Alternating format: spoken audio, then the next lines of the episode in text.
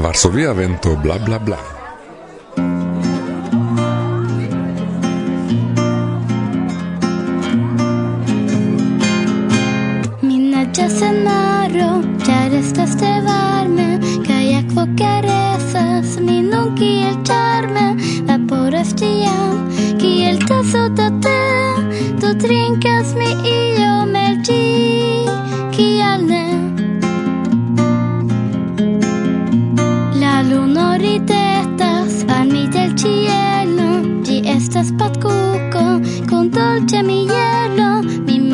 peceton Bongusta ĝi tre Mi prenos ankoraŭ da ĝi Kial ne? Nenio sombrilo La tag estas nuba. Li mi supren Del terro ĝi suba. La nubo mi kaptos jam bona ideo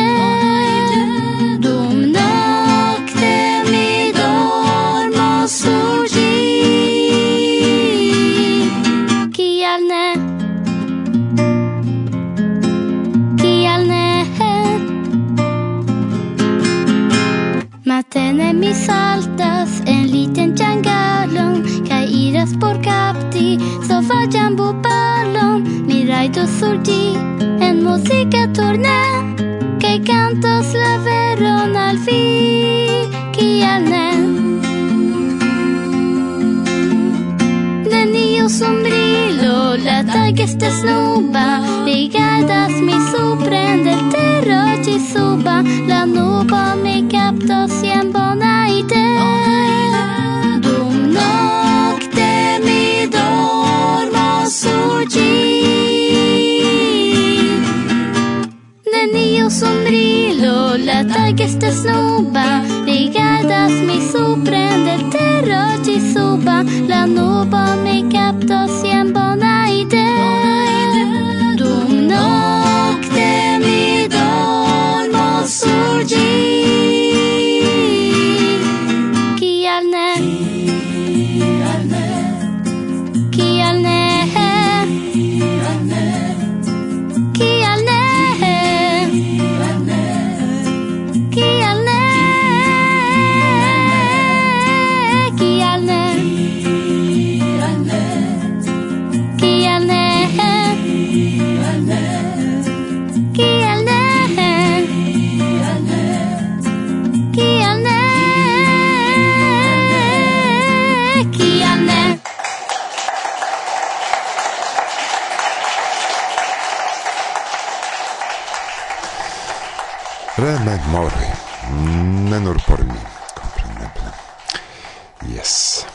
voĉo de Karina komencis la elsendon. Kaj la gepatroj ĝin finos. Fakte finos pere de dediĉita kaj registrita speciale por vi, karaj aŭskultantoj, ekskluziva koncerto. Kiun vi povas nun ĝui ne nur sone, sed ankaŭ filme. Jean-Marc kaj Natasha do ekskluzive en la tria parto. Kaj la filmeto el la koncerto aldone. Do... Saluton, karaj! Saluton en la nova jaro. Kaj cion la plej bonan al vi, kie ajn vi loĝas en la mondo. De ni, de la redakcio. De mi. Kaj de mi. Varsovia vento, la podcasto mia ciam bona momento. Varsovia vento, La orgasmo radia mi ne havas tro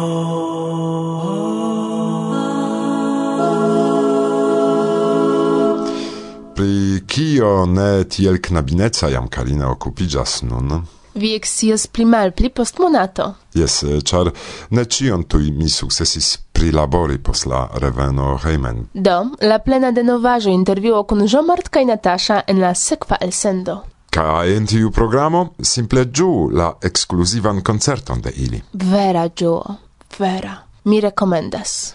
Do, nun iom vi exios pri Noro, kiun laste giuste mi partoprenis. Pri la novjara renkontiĝo de Esperanto Land, se ancora vi ne scias la mallongigon. Rakontos pri la dekkvara Noro, la programestrino. Kaj pri la evento generale ankaŭ la ĉefo organizanto. Lu. Lu. Krome renkontiĝas ni kun Istvan Ed.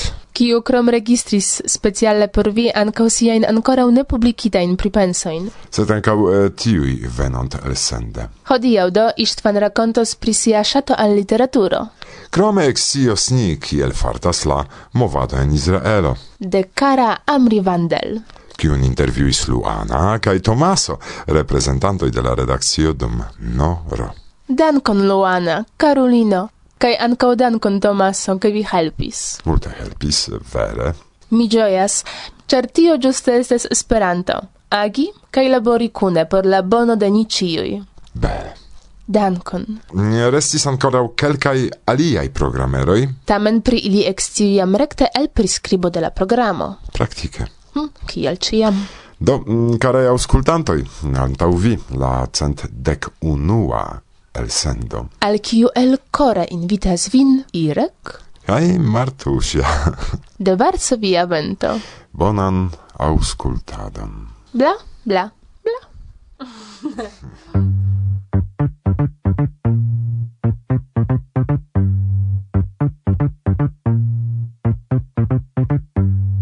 Tuta stella Già sur la retin malpesas mia dormo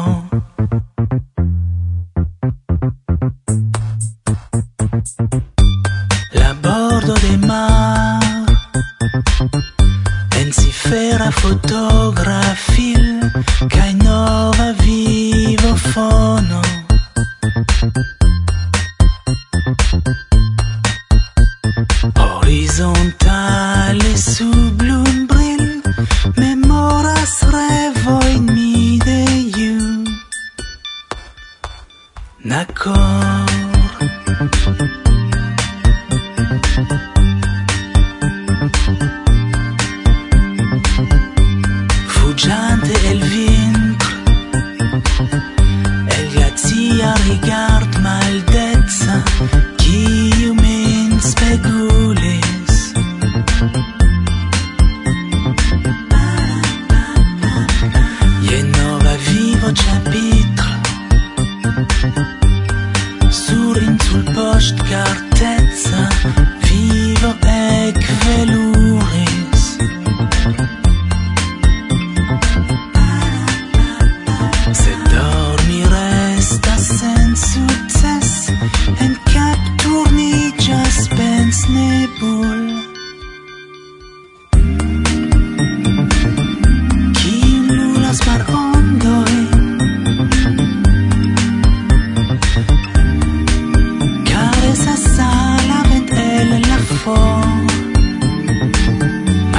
uzas mia dor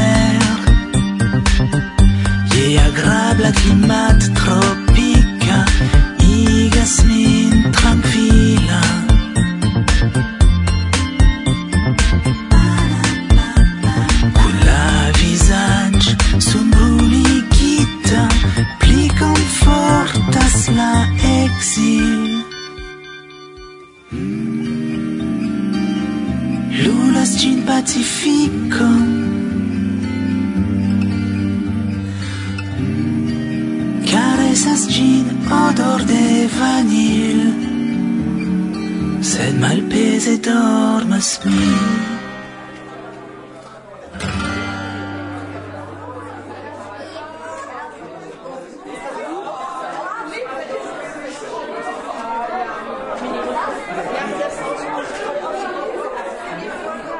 Salutem. Mein Name ist das Lou Wunsch Rolzhofen.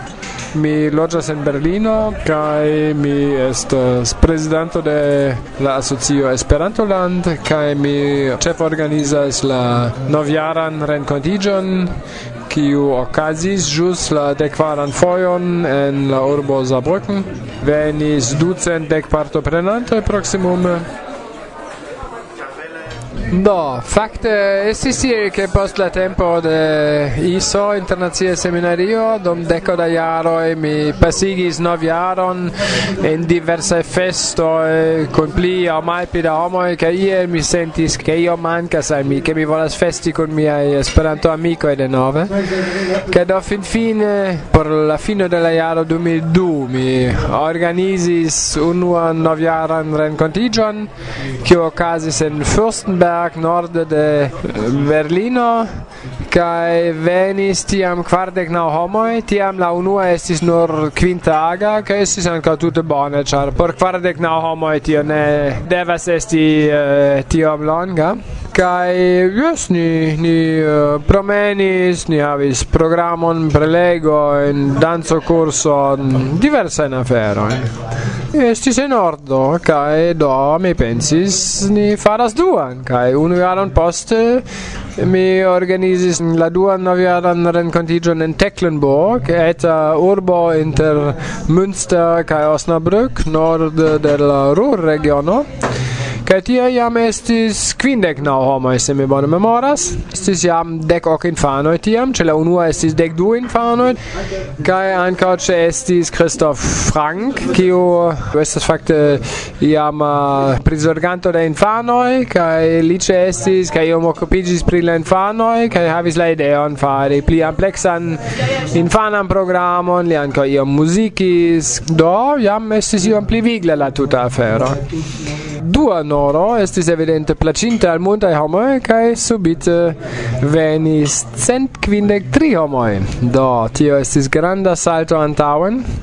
Kaj do la domo ne suficis, estis nur centdek litoj tie, kaj ni prenis unu renkontiĝo salonon por tie meti pliajn litojn, kaj prenis iujn hotelojn en la vilaĝo. Kaj tiam ankaŭ mi uh, mi invitis Kajton kai Kaito ludis ĉe ni. Jes, estis tute bela semajno. Sen kvindek homoj estas vere jam granda Esperanto renkontiĝo kaj estis multaj programeroj kaj tiel plu. kai poste do ni iris al Frankfurto por la kvara.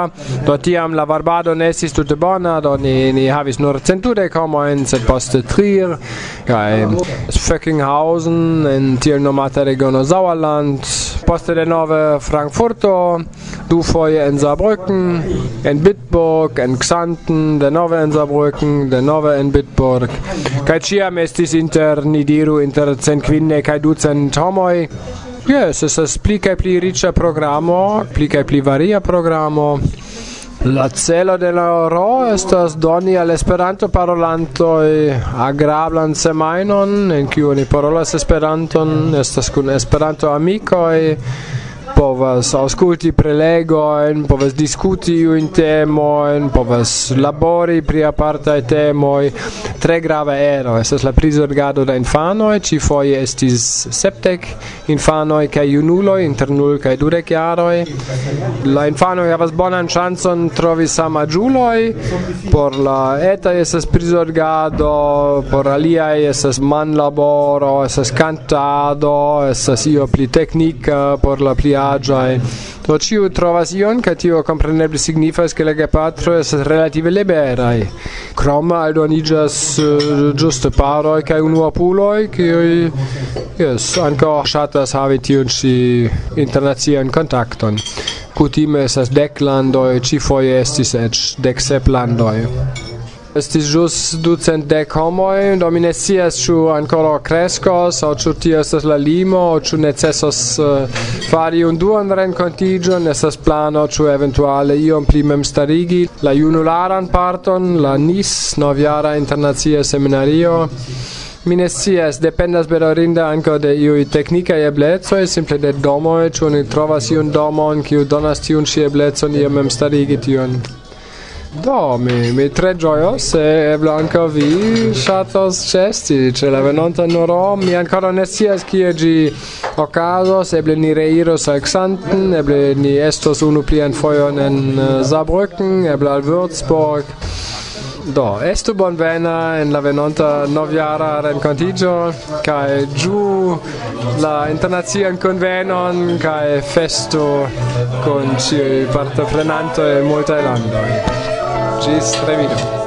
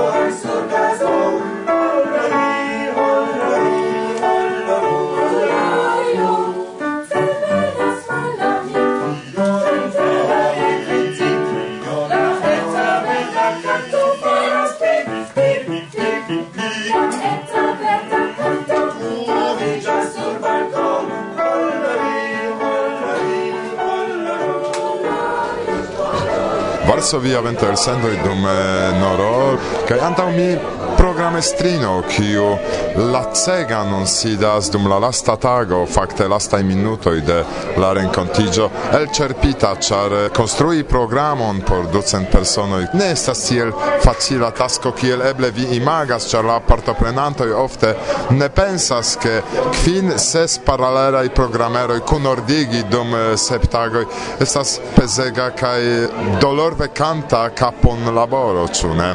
Saluton kiel vi nomiĝas?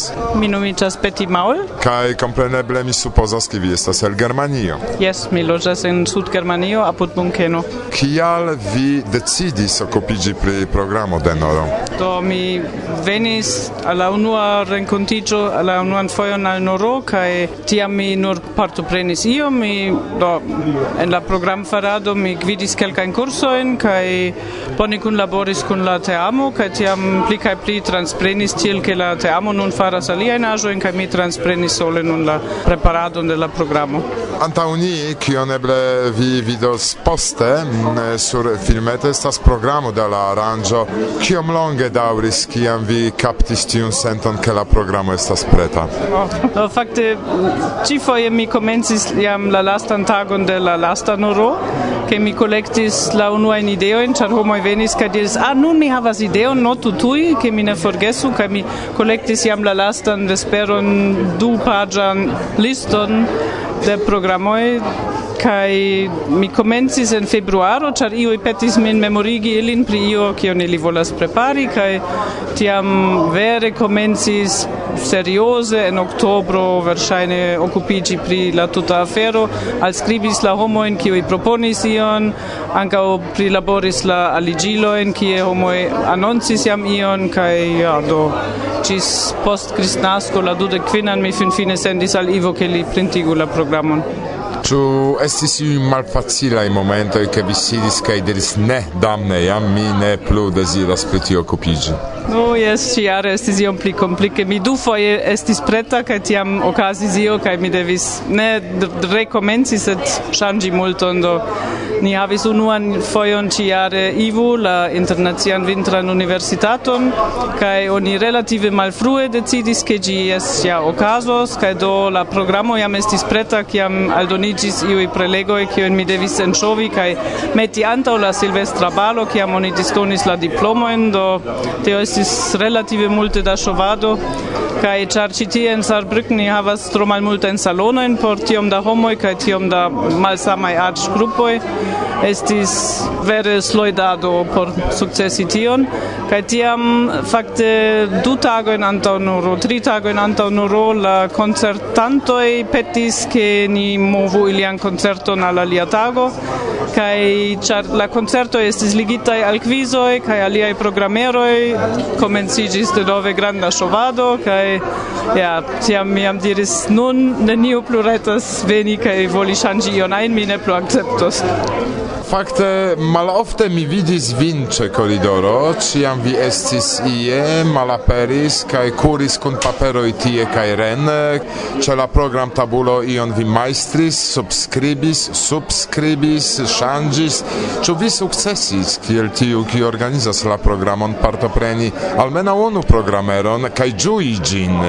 Fakte tio estas avantaĝo. Se vi preparas la programon, vi povas meti la aĵojn tiel, ke vi povu laŭeble multe ĉeesti. Do mi, mi ĉiutage, preskaŭ je ĉiu tempo ĉeestis ion. Mi mem ankaŭ gvidis kursojn, do tie mi kompreneble ankaŭ ĉeestis, sed jes, mi, mi ĉiutage partoprenis en multaj programeroj, tio ne estis problemo. Mem memorinda programero kiu la plej impresis vin kaj vi estas tre kontenta ke ĝi aperis en programo de Noro. Do fakte ĉiare mi devas diri estis la gastoj el Sirio kiuj rakontis pri sia fuĝo kaj pri sia lando tio estis la plej impresa. Kion vi povas konsili al eventualaj gastoj partoprenantoj de la programo de la sekva noro por ke vi havu malpli da laboro ol ĉiare? Do ni jam decidis, sed ankaŭ lastjare ni jam decidis, ke estos pli frua limdato por doni la programerojn kaj la informojn pri ili Ciare eh, mi pensis che funkciis, se tiam ocasis che il dirite tiui du ŝanĝ de vigaj petoi sed generale se ili pli frue povus decidi kion kai chu ili faras ion tio ja multe helpus.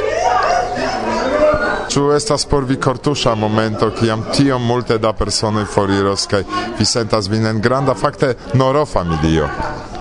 Yes, compreneble, ciam estos terure, sed principe ankaŭ char miai filinoi ciam ege suferas cae veturi heimen, sole post tutte bella semaino, yes, estos... Bon chance ni ciam estos tiom lacaj che la plorado venas pli malpli heime, sed tamen estos... ja, compreneble estos cortusha. do sen miei contribuantoi mi ne povus fari la programon, ĉu ne? Mi compreneble core dankas kaj ciam giuas anca la interskribadojn, kiuj estas interesaj kai mi mi ege ĝojas kiam ili havas bonegajn ideojn. anca ciare fakte estis la play cortusa eta Elina kiu la unuan fojon contribuis kai havis mem la ideon kaj anca curagis presenti anta la plena publico kion ci faros. tios ege speciala momento. kai kion mi devis fari nun? Na saluton al ciui kiu konas min kiu estas multaj kaj mi esperas vidi vin ciuin en sekva noro. Koran dankon pro la intervjuo la provizora studio de Varsovia Vento kiu nuntempe troviĝas en Noro. Ĉion la plej banala al vi en la nova jaro. Dankon. Ĝis revido, feliĉan novan jaron. Ancora più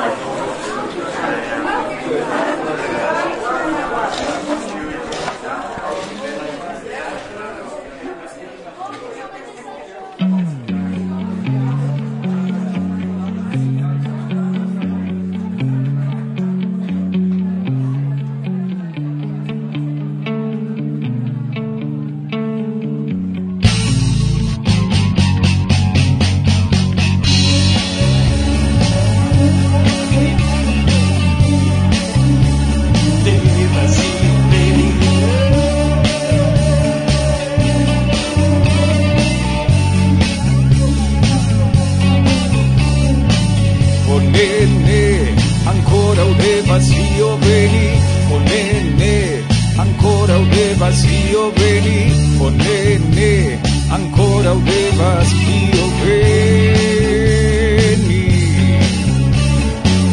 Ancora udevas fai rivera tago ancora un devas mi grivera notto ne povas ja de griso cio plei ancora devas fairi vera tago. Ancora devas nigri vera nokto ne povas ja de griso cio pleni.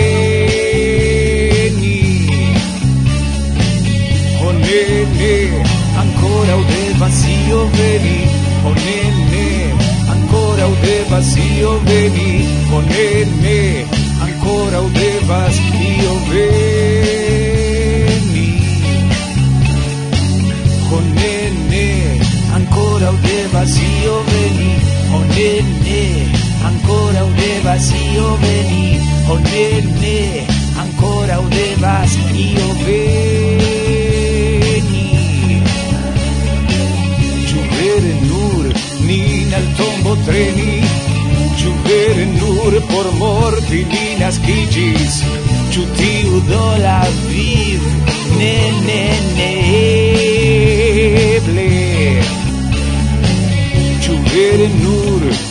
nin al tombo treni Ciu vere nur por morti ni nascigis Ciu tiu do la viv ne ne ne.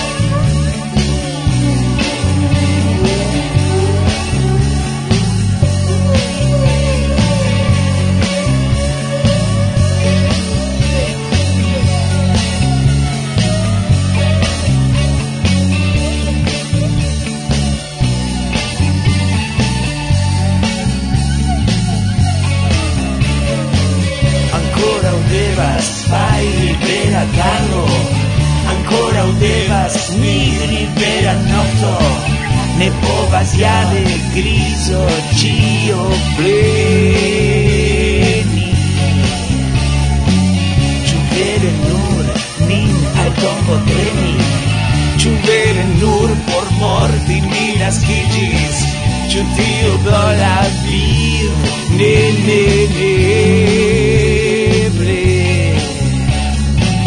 Con ne, ne, ancora un vacío vení, con ne, ancora un vacío vení, con ne, ne, ancora un vacío vení.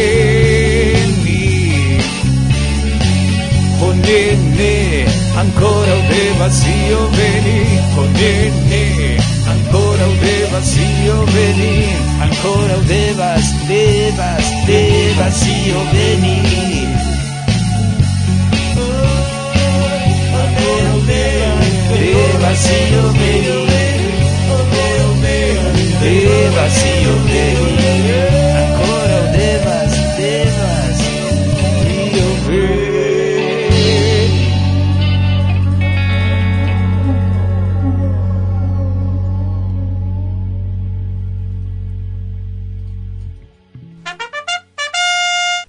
reclamo.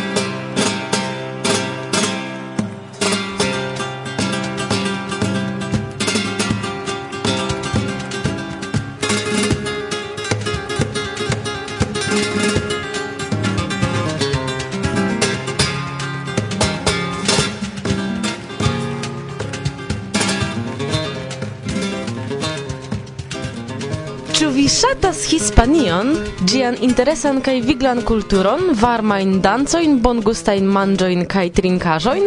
Ĉu vi ŝatas Esperanton, la lingvon kiu ligas nin ĉiujn, kie ajn ni loĝas?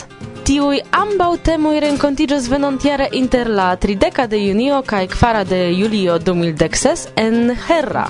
Malnova kaj fascina urbeto kie okazos la jubila sepdek kvina hispana kongreso de Esperanto.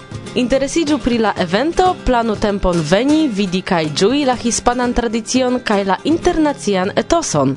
La Hispana Esperanto Federacio kore invitas vin kune festi la jubileon en akompano de zorge kaj riĉe preparata programo. Ne tradormu tiun okazon. La jubileo okazas nur unu foje. Bonvenon!